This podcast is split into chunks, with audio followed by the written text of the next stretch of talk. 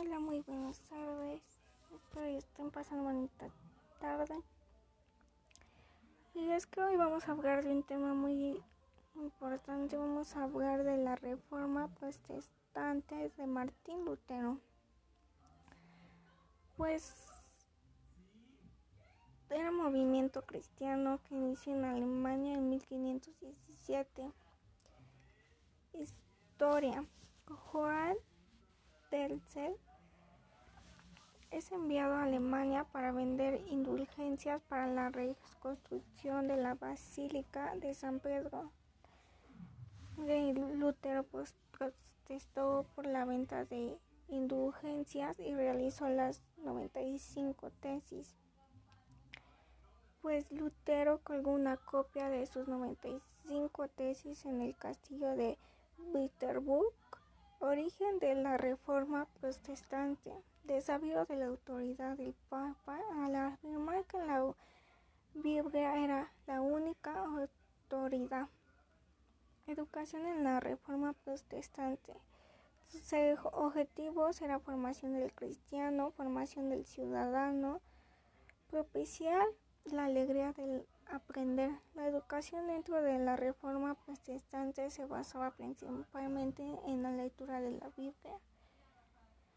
Educación. Lutero demandaba al gobierno la creación de las escuelas. El Estado debía asegurar y garantizar una educación para todos. La educación era obligatoria ya que era un servicio a Dios y a la comunidad. Educación se establece por primera vez en un sistema escolar con programas fijos, maestros, clases graduadas por edades. La educación superior solo se recibía en las personas más altas.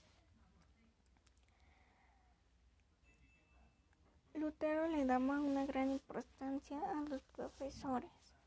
Antes que otro oficio, preferiría si no fuera pastor, ser maestro o educador de niños, pues sé que esta profesión es, útil, la más importante y la mejor, y además no estoy seguro cuál de las dos es la mejor. Una de las virtudes más excelentes sobre la tierra es la de educar fielmente a hijos ajenos, cosa que muy pocas, casi nadie hace con los propios. Pues esto ha sido todo. Gracias por su atención.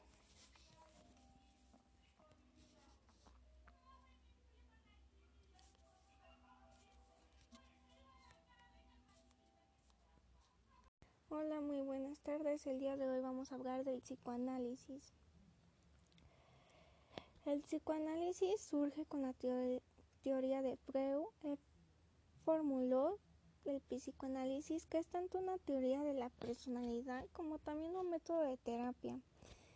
Pero, ¿qué es el psicoanálisis? El psicoanálisis es un método de observación e investigación de la mente humana, pues él trabaja con el inconsciente del individuo. En el psicoanálisis se concibe al ser humano como un ser permanente conflicto. Freud utilizaba para explicar la actividad del aparato psíquico. Él utilizaba la conciencia, el preconsciente y el inconsciente. El aparato psíquico es una construcción teórica que pretende acceder a la comprensión de cómo está organizado el proceso de conciencias y de conductas, incluso los factores inconscientes. A explicar qué es conciencia. La conciencia es conocimiento de información externa e interna. Es aquella de lo que no nos damos cuenta en cada momento de nuestra vida psíquica. Es la intención, la experiencia personal. El preconsciente es la posibilidad de hacerse inconsciente, pues esto es todo aquello inconsciente que se puede ser consciente. Claro, si no hay fuerzas que pongan a ello, a lo que se escapa la conciencia actual, sin ser consciente en los sentido de calificar a lo que es el yo y el super yo. El inconsciente. El inconsciente son los deseos, pulsaciones, lo inaccesible, corresponde a deseos, pulsaciones y lo inaccesible. Pero como con esto Freud no pudo explicar lo que es el aparato psíquico, pues pensó mejor en ya no utilizar ni la conciencia, ni el preconsciente, ni el inconsciente, así que pensó en utilizar el yo, el super yo y el ello. Pues el yo son funciones de pensamiento, la memoria, las relaciones con los demás y controlar los deseos que provienen del ello.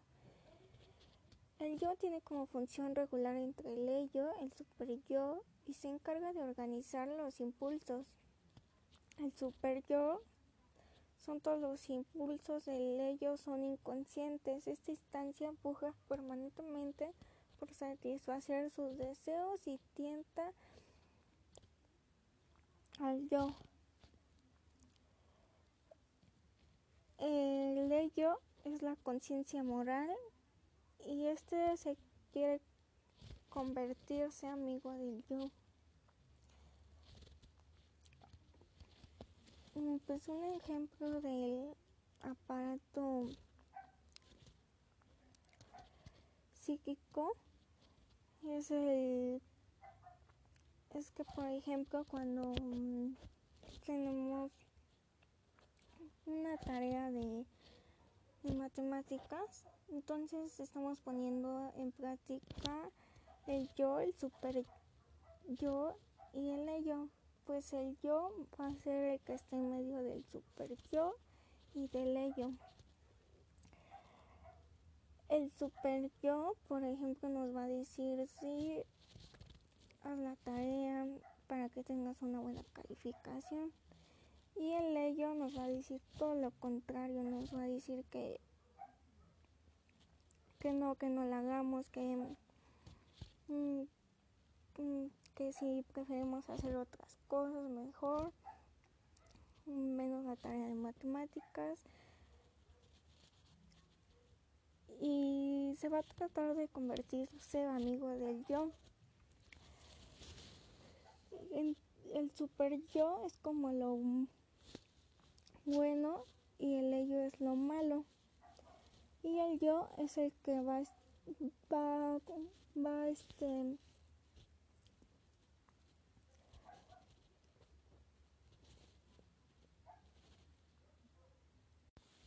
y el yo va a ser el que va a decidir qué hacer va a decidir si hacerle caso al super yo o al ello. Y esto ha sido todo. Gracias por su atención. Hola, muy buena tarde. Y hoy vamos a hablar de la ilustración. De la ¿Qué es la ilustración? La ilustración es en la distancia crítica y los numerosos estudios de aquella época Intentaremos definir con un poco de precisión y qué fue la ilustración. Seguramente no podemos destacar una definición única, como pretendieron hacer los grandes estudiosos clásicos, como por ejemplo Hegel en la historia de la filosofía o en las lecciones de filosofía de la historia universal. Hegel vincula que la ilustración el proceso moderno que prioriza la reflexión racional del sujeto pensante humano, pero critica su abstracción, la unilateralidad y la realidad analítica. Una ilustración eterna, pues no podemos considerar la ilustración como una tendencia casi eterna al hombre, algo que ya estaba presente muy atrás en la historia, pero que solo cuajó o se convirtió en dominante en el siglo de las luces. No podremos seguir a French que la ve triunfar en la constitución de la razón durante la significante llamada ilustración griega.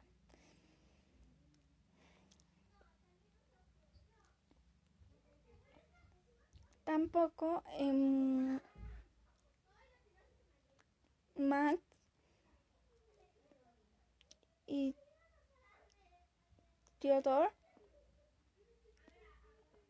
que la dialéctica y la ilustración saludaban a Ulises como el primer hombre burgués y hacen de él un, un símbolo de ilustración. Para ellos, la ilustración era más que un momento histórico, es sobre todo la problemática esencial del hombre actual y también de toda la historia humana sin excepción, con su relación instrumental y su voluntad de hacer al hombre amo del mundo. La ilustración es el vector cable de Occidente y por lo tanto no han acabado a sus profundas consecuencias ambivalentes. Al mismo tiempo, emancipadoras y peligrosamente totalitarias incluyen, por ejemplo, las guerras mundiales, el fascismo, ya que asombradamente la humanidad, en lugar de entrar en un estado verdaderamente humano, aquí ha sido siempre la promesa de la ilustración, desembocó en un nuevo tipo de barbarie,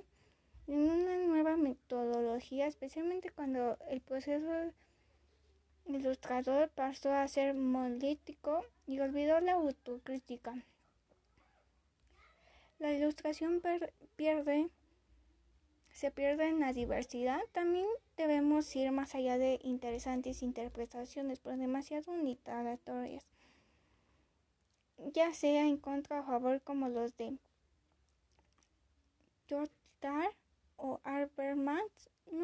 Nosotros haremos un análisis más matizado, a pesar de que alguna manera de la ilustración, como dice George en la condición posterna es uno de los grandes relatos modernos que la postmodernidad debe superar y que de otro lado también es cierto que la ilustración en cuanto parte esencial de la modernidad es el proceso inacabado y que reclama que se comprende, como dice Habermas, en el discurso filosófico de la modernidad.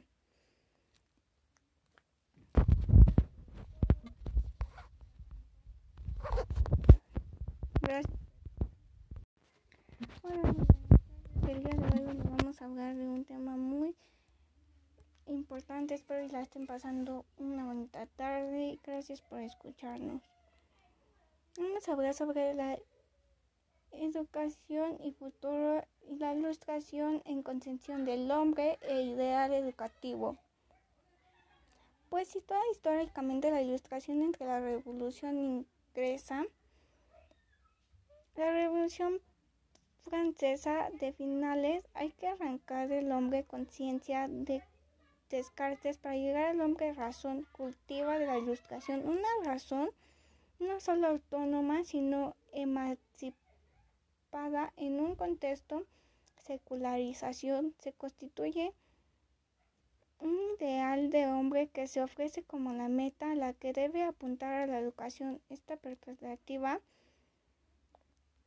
la ha subrayado especialmente Cab en sus famosas cuatro preguntas centradas en el hombre como único ser educable y como producto de la educación.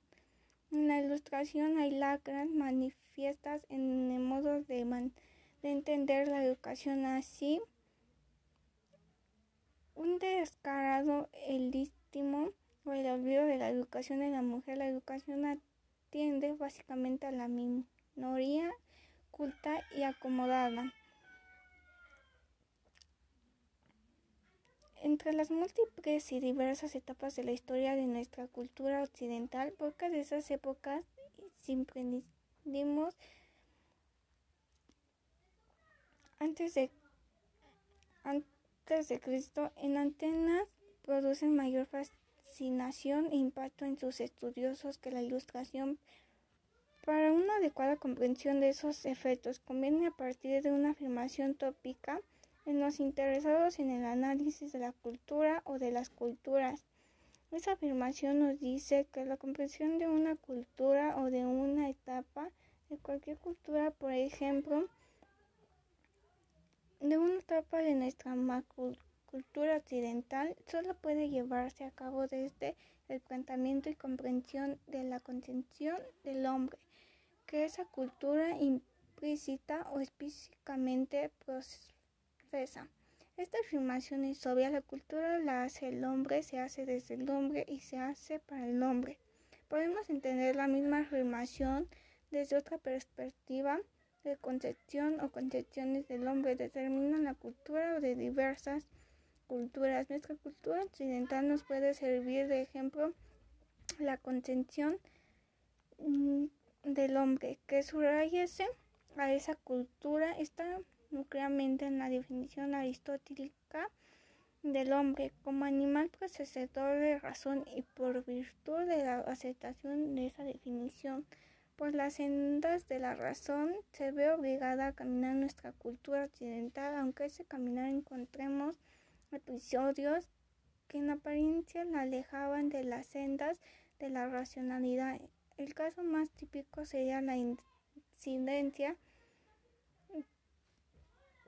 de la revelación en la cultura occidental. Parece que renunciamos a la razón para ponerla a los pies de la revelación, pero hay que modernar esta opinión, no olvidar que nos dice la Biblia que debemos hacer razonable nuestras obediencias a la fe imperativo al que trató de ajustarse la mejor metafísica cristiana. Por ello elaboró unas vías racionales de acceso a Dios, incluso tuvo la abundancia de elaborar un minucio análisis de los atributos de Dios, adentrándose en la esencia divina.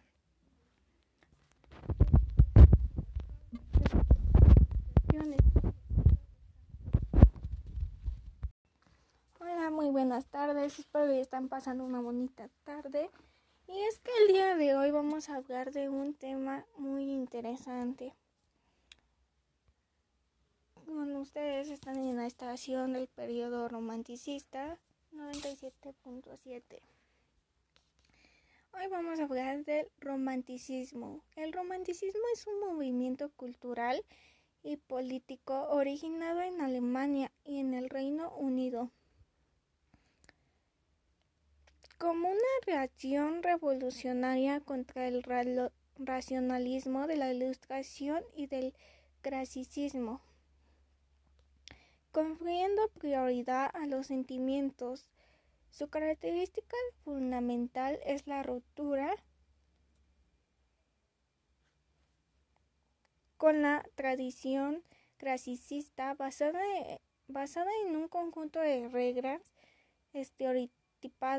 La libertad auténtica es su búsqueda constante. Por eso, es que es un rasgo revolucionario, es incuestionable, debido a que el romanticismo es una manera de sentir y conservar la naturaleza, la vida y al hombre mismo, que se representa de manera distinta y particular. En cada país donde se desarrolla, incluso dentro de una misma nación, se manifiestan distintas tendencias proyectándose también en todas las artes. El romanticismo es una reacción contra el espíritu racional y crítico de la ilustración y el clasicismo y favorecía ante todo sus palabras, la conciencia del yo como entidad autónoma y frente a la universalidad de la razón de Siocheka dotada de capacidades variables individuales como la fantasía y el sentimiento, la primacia del genio creador de un universo propio, el poeta como Dimurgo, valoración de lo diferente frente a lo común, lo que lleva a una fuerte tendencia nacionalista. El liberalismo frente al nepotismo ilustrado, la original frente a la tradición clasista y la adecuación a los cánones. Cada hombre debe mostrar lo que lo hace único. La creatividad frente a la imitación de lo antiguo hacia los dioses de Atenas, la obra imperta, inacapada y abierta frente a la obra perfecta, concluida y cerrada. El romanticismo se expandió también y renovó, enriqueció el limitado lenguaje y el estilo del neoclasicismo, dando entrada a lo exótico y lo extravagante. buscando nuevas combinaciones métricas y flexibilizando las antiguas, buscando en culturas bárbaras y exóticas, o en la Edad Media en, en vez de Grecia o romana su inspiración. Principales autores pedagógicos fueron Jean Roses,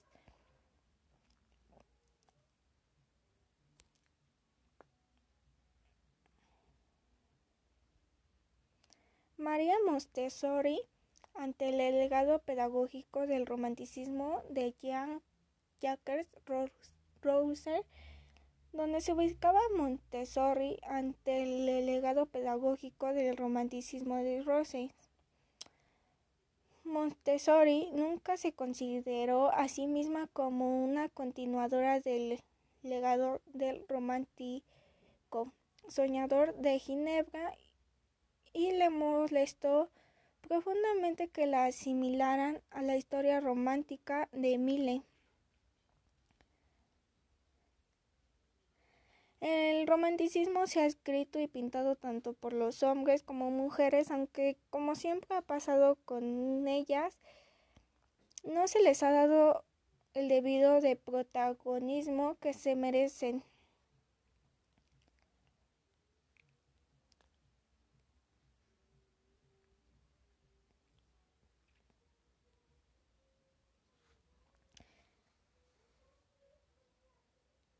Pues esto ha sido todo. Espero que tengan bonita tarde. Gracias por escucharnos el día de hoy. Por último, tenemos también que el realismo fue un movimiento literario nacido en la segunda mitad, el cual buscaba que el arte mostrara la realidad de forma objetiva y utilizando el lenguaje, sencillo del habla cotidiana. El realismo es un movimiento literario que solo acepta hechos demostrados, tiene una intención moralizante y crítica y muestra la realidad como es. Pues esto ha sido todo y espero que tengan bonita tarde. Gracias por escucharme. Hola, muy buenas tardes. Espero que estén pasando una bonita tarde. Y es que hoy vamos a hablar de un tema muy importante que es el idealismo. Pues vamos a hablar del idealismo. Un ejemplo del idealismo es que ya está definido, pero yo lo utilizo en otra forma. Yo no voy a creer lo mismo que los demás creen. Un ejemplo sería un frasco de chocolates o Sí, un frasco de chocolates y entonces voy a, o sea, ese frasco de chocolates ya está definido, pero yo lo utilizo en otra forma. Mm, yo lo voy a utilizar para echar cosas o así. Yo no voy a creer lo mismo que creen los demás, que solamente es un frasco de chocolates y ya, sino yo, yo le voy a dar otra forma, pero sin creer lo mismo que creen los demás. Esto es lo que se refiere el idealismo. Los tipos del idealismo son objetivo, absoluto, trascendental, subjetivo. Uno de los padres del idealismo es, Platón y sus autores, uno de sus autores son Emmanuel, René, Descartes. Y bueno, esto ha sido todo del idealismo. También hablamos que del idealismo hacer ver la importancia de las ideas que son completamente independientes a las cosas o a los objetos. Y él así se opone al materialismo y al realismo. Bueno, esto ha sido todo, espero les haya gustado y gracias por escucharnos. Hola, muy buenas tardes. El día de hoy vamos a hablar de un tema muy interesante y aparte de interesante, pues es importante. Espero les guste. Este, vamos a dar un ejemplo del realismo. Un ejemplo del realismo es que pongamos ejemplo un frasco de chocolates. Si no tiene chocolate, pues lo desechas. Eh, el realismo elimina el subjetivismo, el fantaísmo y lo fantasioso. También se divide en en sogrosistas. Y pues espero que les haya gustado. También el realismo es, surgió en el siglo XIX, donde pues Europa se reflejaba en la realidad social de la época, como en la burguesía, en la inducción hacia el pueblo. Pues esto ha sido todo, espero les haya gustado y que pasen una bonita tarde. Hola, muy buenas tardes. El día de hoy vamos a hablar de un tema muy importante, del socialismo. Espero estén pasando una bonita tarde y espero les guste esto. Pues vamos a hablar del socialismo. Y un ejemplo que vemos en el socialismo es que, por ejemplo, un ejemplo es que tú naces en México, pero tú puedes tener tu familia en Estados Unidos. Eso es lo que se refiere al socialismo. Otro ejemplo que vemos muy claro en el socialismo es que tenemos un frasco de chocolates, pero ese frasco de chocolates no solo puede tener dos funciones, puede tener muchas más, no solamente lo que lo defina, ni lo que yo diga, sino que puede tener mucho más funciones. Y lo que vemos es que inicia a partir de la revolución industrial. Y sí, pues espero les haya gustado esto. Esto ha sido todo. Esto es una parte del socialismo. Y gracias por escucharnos. Hola, muy buenas tardes. El día de hoy vamos a hablar de un tema muy importante y es que vamos a hablar del existencialismo, espero y les guste. Y es que un ejemplo que vemos en él es que lo vemos en un frasco, lo cual va a ver tal como es y lo va a hacer funcionar, pero hacia él, a su manera de que lo utilizaría. Un ejemplo es que, sí, ese es un ejemplo, pero un ejemplo sería de que tenemos un frasco de, de café, pero ese frasco lo, lo vamos a ver tal como, como es, pero nosotros mismos lo vamos a hacer funcionar, pero hacia, hacia mi manera, hacia, hacia lo que a mí me serviría ese frasco, hacia, hacia cómo yo lo utilizaría ese frasco. No solamente, no solamente sería un frasco de café para mí, sino que yo lo utilizaría para otra cosa. Eso ha sido todo, espero les guste y gracias por escucharnos. Hola, muy buenas tardes. El día de hoy vamos a hablar de un tema muy importante, espero que lo estén pasando bien. El día de hoy vamos a hablar de un tema bastante interesante y vamos a hablar del naturalismo. Un ejemplo que vemos en el naturalismo es que, por ejemplo, es que, por ejemplo, es bueno que el hombre proteja a su esposa y a sus hijos de todos los peligros. También es bueno que el hombre se bañe diariamente para mantenerse limpio.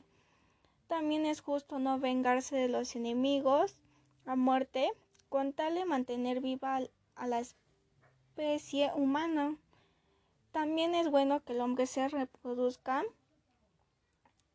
Y bueno, este es un ejemplo que también vemos en el naturalismo. Y vamos a hablar un poco del naturalismo. El naturalismo es un estilo artístico pero está el realismo en lo que se basa es en reproducir la realidad con una objetividad documental en todos sus aspectos. Y el naturalismo, pues vemos que es una tendencia literaria y también es una forma de comprender al ser humano y entender sus costumbres. Pues esto es un poco de lo que se refiere el naturalismo y espero y les haya gustado esto del naturalismo. Una, una de sus características del naturalismo es que el naturalismo dice que la humanidad no puede controlar. También el naturalismo describe a las clases sociales más bajas, intenta explicar a la forma materialista, la raíz, la raíz de los problemas sociales. Esta corriente es pesimista y atea. También se considera que el naturalismo es una evolución del realismo. Además, contradice el romanticismo. El objetivo del naturalismo es que es, explicar los comportamientos del ser humano. Los autores naturalistas intentan interpretar la vida de la descripción del entorno social y mediante el descubrimiento de leyes que rigen la conducta humana. Esto ha sido todo del naturalismo, espero y les haya gustado mucho. Hola, muy buenos días. Hoy vamos a hablar de la escuela tradicional. Es que es un tema muy interesante espero les guste. la escuela tradicional surge la pedagogía como ciencia. En el siglo XVIII, el educador es el maestro y el educando es el alumno. La pedagogía tradicional fue la pionera a todos enseñarles por igual. También se da en 1967 el libro de didáctica. Y didáctica es el arte de enseñar. La pedagogía tradicional comienza a gestarse en el siglo XVIII con el surgimiento de la escuela como institución y alcanza su apego con el advenimiento de la pedagogía como ciencia. También en el siglo XVIII surgen algunas críticas a la reforma de enseñanza que se predicaba en los colegios internados estos estaban a cargo de órdenes religiosas y tenían como finalidad alejar a la juventud de los problemas propios de la época y de la edad, ofreciendo una vida metódica. En su interior se enseñaban los ideales de la antigüedad. La lengua escolar era el latín y el dominio de la retórica. Era la combinación de esta educación los jóvenes eran considerados propensos a la tentación, débiles y con atracción por el mal.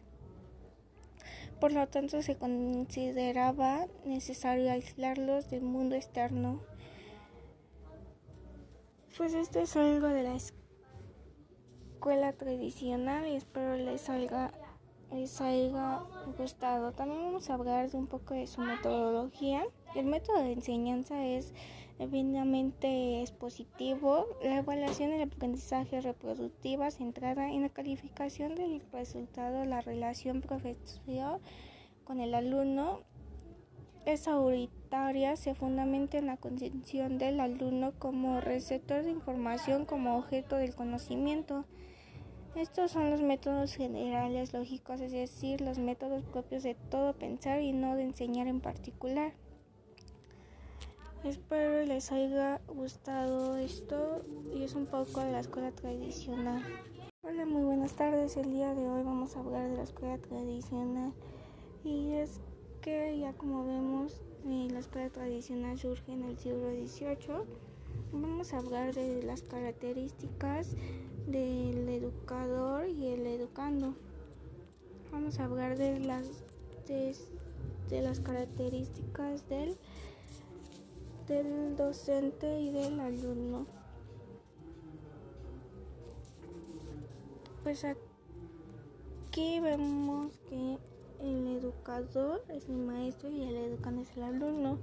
El educador es analítico, sintético, inductivo y deductivo. El educador tradicional mm, y el educando, el alumno El educador lo que hace es que induce y no puede hacer otra cosa. Y el educando solamente tiene que obedecer las reglas del educador.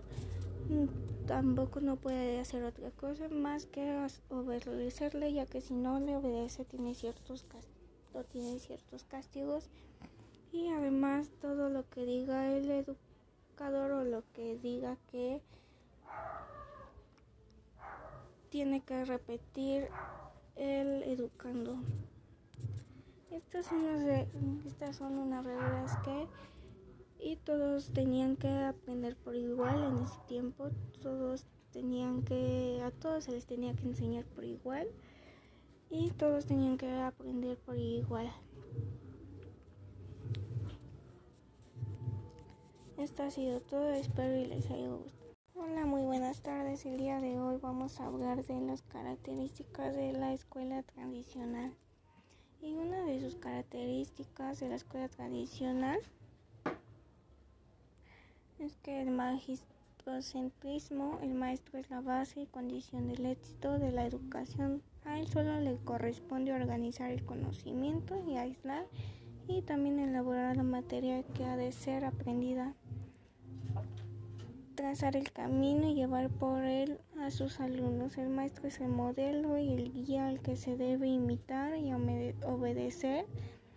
La disciplina y el castigo se consideran fundamentales. La disciplina y los ejercicios escolares son suficientes para desarrollar sus virtudes humanas en los alumnos.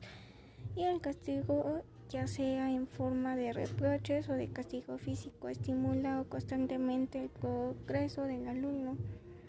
También está otra de las características es el enciclopedismo. La clase y la vida colectiva son organizadas y ordenadas y programadas. El manual escolar es la expresión de esta organización, orden y programación. Todo lo que el niño tiene que aprender se encuentra en él, graduando y elaborando. Si se quiere evitar la distracción y la confusión, nada debe buscarse fuera del manual. También está el verbalismo y pasividad. Este método de enseñanza será el mismo para todos los niños y en todas las ocasiones. El repaso entendido como la repetición de lo que el maestro acaba de decir tiene un papel fundamental en este método. Y en el magistrocentrismo es por ejemplo que el maestro tiene ciertas condiciones al alumno, ya que si el alumno no obedece, pues tiene un cierto castigo, ya sea de manera física o con reproches. En el enciclopedismo vemos que todo maestro tiene que tener un manual para guiar al, al niño, ya que si en él no se busca lo que debe de enseñarse, pues mm, no se le puede buscar en nada fuera del manual que tenga el maestro. En el verbalismo y pasividad es que, por ejemplo, tienen un método de enseñanza y ese método de enseñanza es el mismo para todos. Y lo que acaba de decir el maestro es lo que tiene que repetir el alumno lo que acaba de decir el maestro. Esto ha sido todo y gracias por escucharnos. Hola, muy buenas tardes. El día de hoy vamos a hablar cuándo es que surge la escuela tradicional. Espero que estén pasando una bonita tarde. Y la escuela tradicional aparece en el siglo XVIII en Europa con el surgimiento de la burguesía y como expresión de modernidad. Y también vemos que en la escuela tradicional también aparece un, en 1967 un libro de didáctica y como vemos, eh, surge la pedagogía como ciencia en la escuela tradicional, como en el siglo XVIII mm, hasta el siglo XIX. Esto es todo y espero les haya gustado. Gracias por escuchar. Hola, muy buenas tardes. El día de hoy vamos a hablar de la, de la escuela tradicional, de sus autores. Como vemos, la escuela tradicional surge en el siglo XVIII y mm, los autores que vemos en esta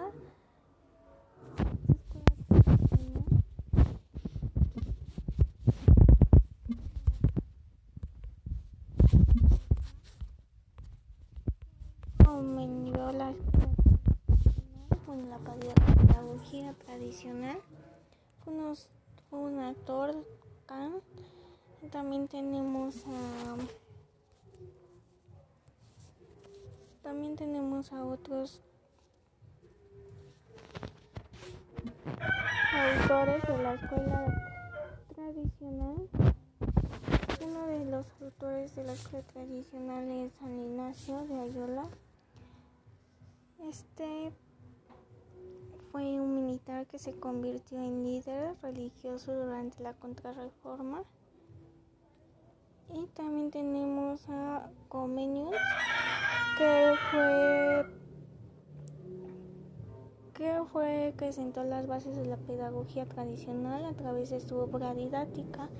Y didáctica era el arte de enseñar, enseñar es el arte de enseñar tenemos a este autor Comenius, que es el que sentó las bases de la pedagogía tradicional a través de la didáctica. También tenemos a Emile Durkheim, quien fue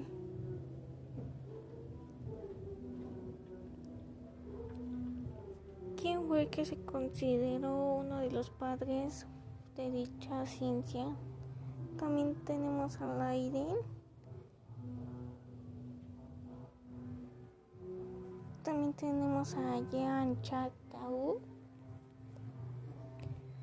Y esto ha sido de los uno de los autores de la escuela tradicional.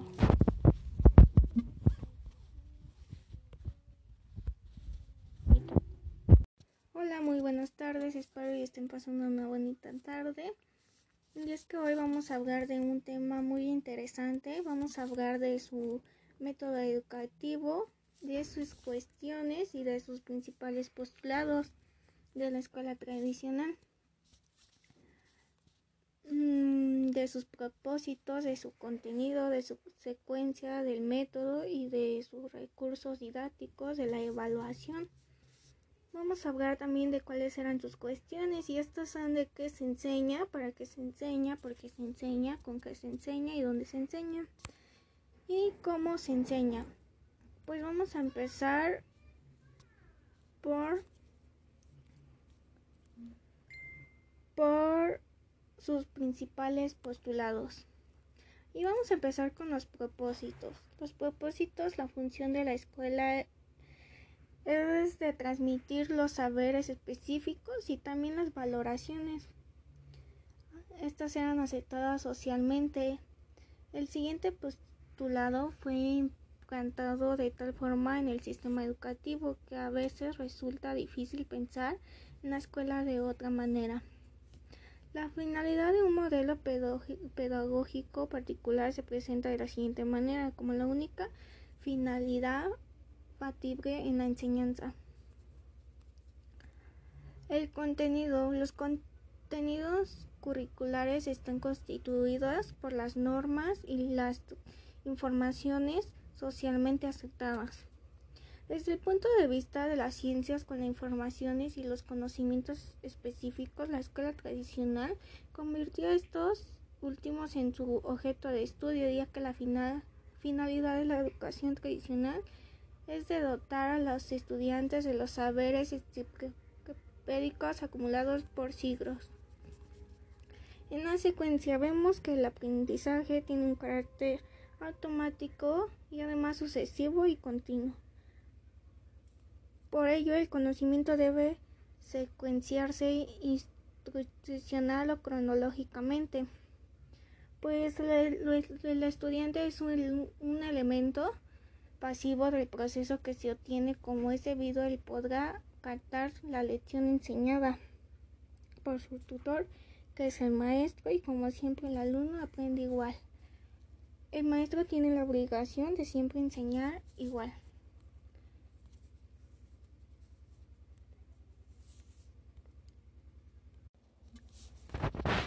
Y tenemos tenemos sus recursos didácticos. Las ayudas educativas deben ser lo más parecidas a los reales para facilitar la perfección de su manera que su presentación conduzca a la formación de imágenes mentales que garanticen el, el aprendizaje. La escuela tradicional no le asignaba la verdadera importancia a las ayudas educativas, sino a sus comienzos del nuevo siglo. En esta escuela de los siglos pasados, el niño recibía, recordaba los aprendizajes gracias a su perfección, su reiteración y la misma memoria, pero para todo esto no es contada, contaba ni con el maestro y mucho menos con él estudiaba contaba con un material auxiliar.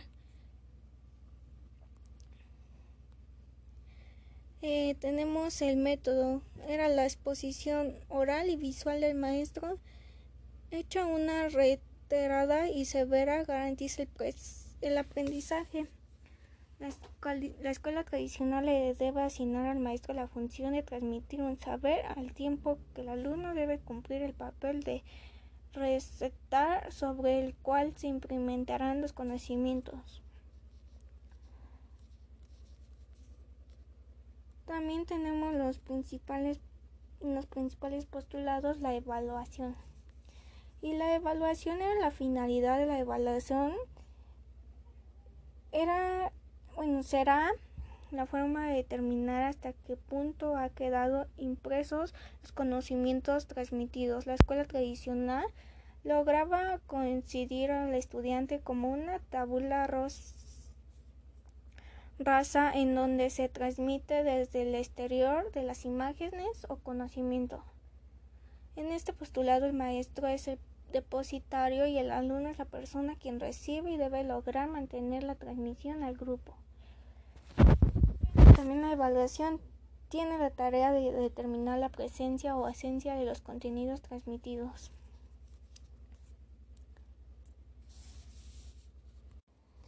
Y vamos a hablar de sus cuestiones. Sus cuestiones que se enseñaba el enfoque tras se enseñaba tras la lectura de los grandes.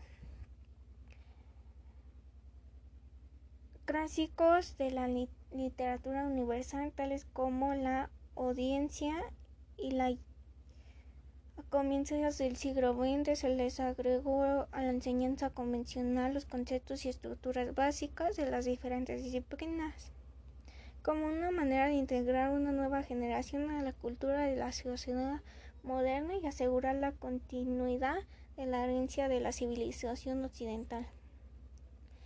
¿Y para qué se les enseñaba? Pues se les enseña para distinguir una teoría pedagógica, describir el tipo de experiencias educativas para que se oficien, impulsen el proceso de desarrollo y permitan cualificar las interacciones entre el educando y el educador. ¿Para qué se les enseña el educando y el educador en la perspectiva del logro de las metas de la formación. Estas pueden ser técnicas de enseñanza que pueden utilizarse en la práctica educativa. ¿Por qué se les enseña? Pues se les enseña para que los estudiantes se centren en la transmisión de las habilidades y competencias básicas mínimas de comunicación y cálculo para que los alumnos aprendieran a defenderse en la vida social. ¿Cómo ¿Con qué se les enseña? Se les enseña con el hecho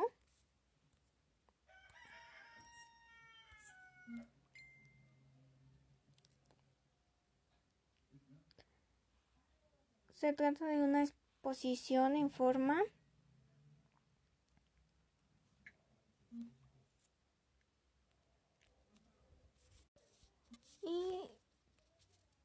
decíamos con qué se les enseña, se les enseña con el texto escolar que se que es la guía obligatoria de la materia despliega los contenidos y esto es necesario para el desarrollo de la clase o manera de exposición magistral. Este es generalmente ordenado, sólido, con ilustraciones, ejemplos didácticos, con ejercicios recomendados a los estudiantes. Y se trata de una exposición forma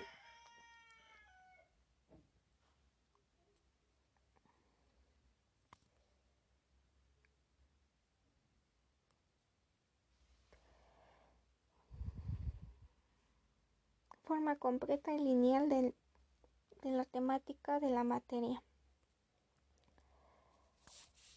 ¿Y dónde se les enseña? Esta enseñanza se practicaba en los colegios internados y en la secundaria de la universidad. Otras cuestiones que tenemos es que cómo se enseñaba es que en la enseñanza tradicional los profesores también hacían preguntas para así evaluarlas, eran preguntas evaluativas espontáneas durante el desarrollo de la clase, esto con el fin de checar no solo la atención del estudiante a la atención correspondiente, sino también para ver el grado de comprensión que tuvieron a las exposiciones que el profesor estaba desarrollando durante la clase. Se utilizaba el, método transmisionista de buen ejercicio y repetición. Este tipo de evaluación diagnóstica nos permitirá saber si el estudiante está preparado para entrar al tema siguiente y servirá también para prevenir, corregir y ajustar la clase. Otra la evaluación es reproductora de conocimientos, las calificaciones, argumentaciones y también explicaciones. Son previamente estudiadas por el alumno en la clase en el texto prefijadas.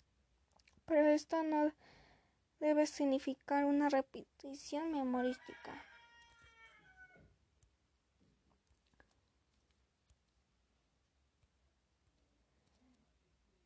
Pues esto ha sido todo. Espero les haya gustado y espero que pasen una bonita tarde. Gracias por escucharnos y